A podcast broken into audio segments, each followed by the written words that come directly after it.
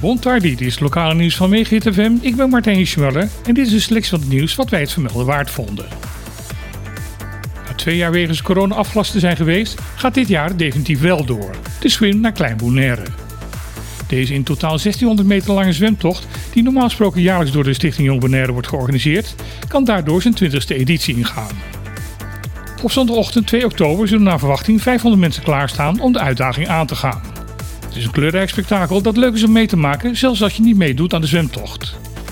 Dit keer is een officiële wedstrijd die om half acht zal starten, waarna de recreatieve swim om 9 uur van start zal gaan. De kosten bedragen voor jongeren tot 12 jaar 10 dollar. Iedereen die ouder is dan 12 jaar is het dubbele kwijt. Dit geld zal volledig gebruikt worden om de diverse naschoolse opvangactiviteiten van de stichting te kunnen bekostigen. Inschrijven kan via de Facebookpagina van Jong Bonaire of door de QR-code te scannen die op de posters van het evenement te vinden is. Voor de derde keer binnen een paar weken besteedt de Nederlandse journalistiek uitgebreid aandacht aan de ongelijkheid en misstanden die door nalatigheid van de Nederlandse overheid op de Westeilanden nog steeds bestaan.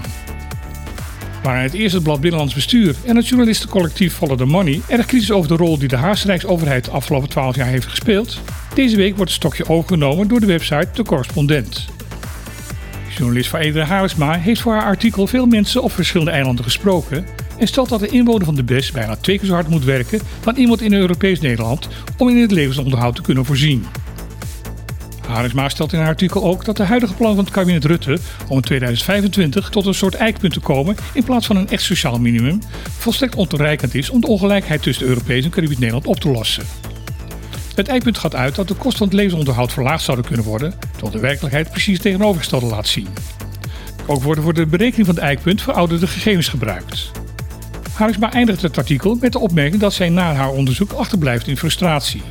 Onlangs heeft de Belastingdienst van Europees Nederland haar excuus gemaakt voor het institutionele racisme binnen haar eigen dienst. Maar volgens Harisma is er bij wat er in Caribisch Nederland gebeurt sprake van exact dezelfde dynamieken. Op 27 september zal het weer Wereldtoeristendag zijn. De Tourism Corporation Bonaire heeft aangekondigd dat er daarom een dag daarvoor voor de tweede keer een Bonaire Tourism Summit zal plaatsvinden. Bij deze bijeenkomst zal er met alle partners van het TCB de toekomst van het toerisme in Bonaire besproken worden.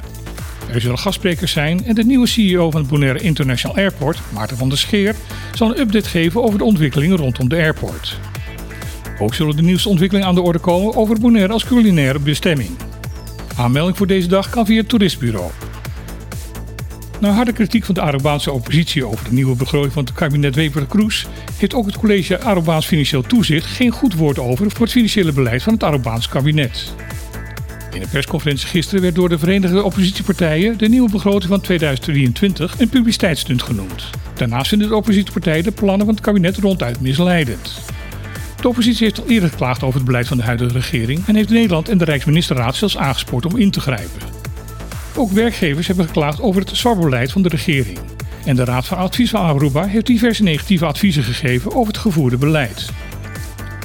Nu heeft het College Financieel Toezicht van Aruba zich aan het rijtje toegevoegd. Het college klaagt dat de regering vrijwel geen van de eerdere adviezen heeft opgevolgd. Het college constateert onder andere dat de regering Wever Kroes het financieel tekort van Aruba probeert op te lossen door gewoon rekeningen niet te betalen. De postoverstaande rekening is daardoor opgelopen tot 200 miljoen Arabaanse guldens. De CAFT constateert dat ingrijpen vanuit de Rijksministerraad zo langzamerhand onvermijdelijk aan het worden is. Dit was lokale nieuws op Megahit van vandaag. We wensen u nog een hele fijne dag en graag tot de volgende keer.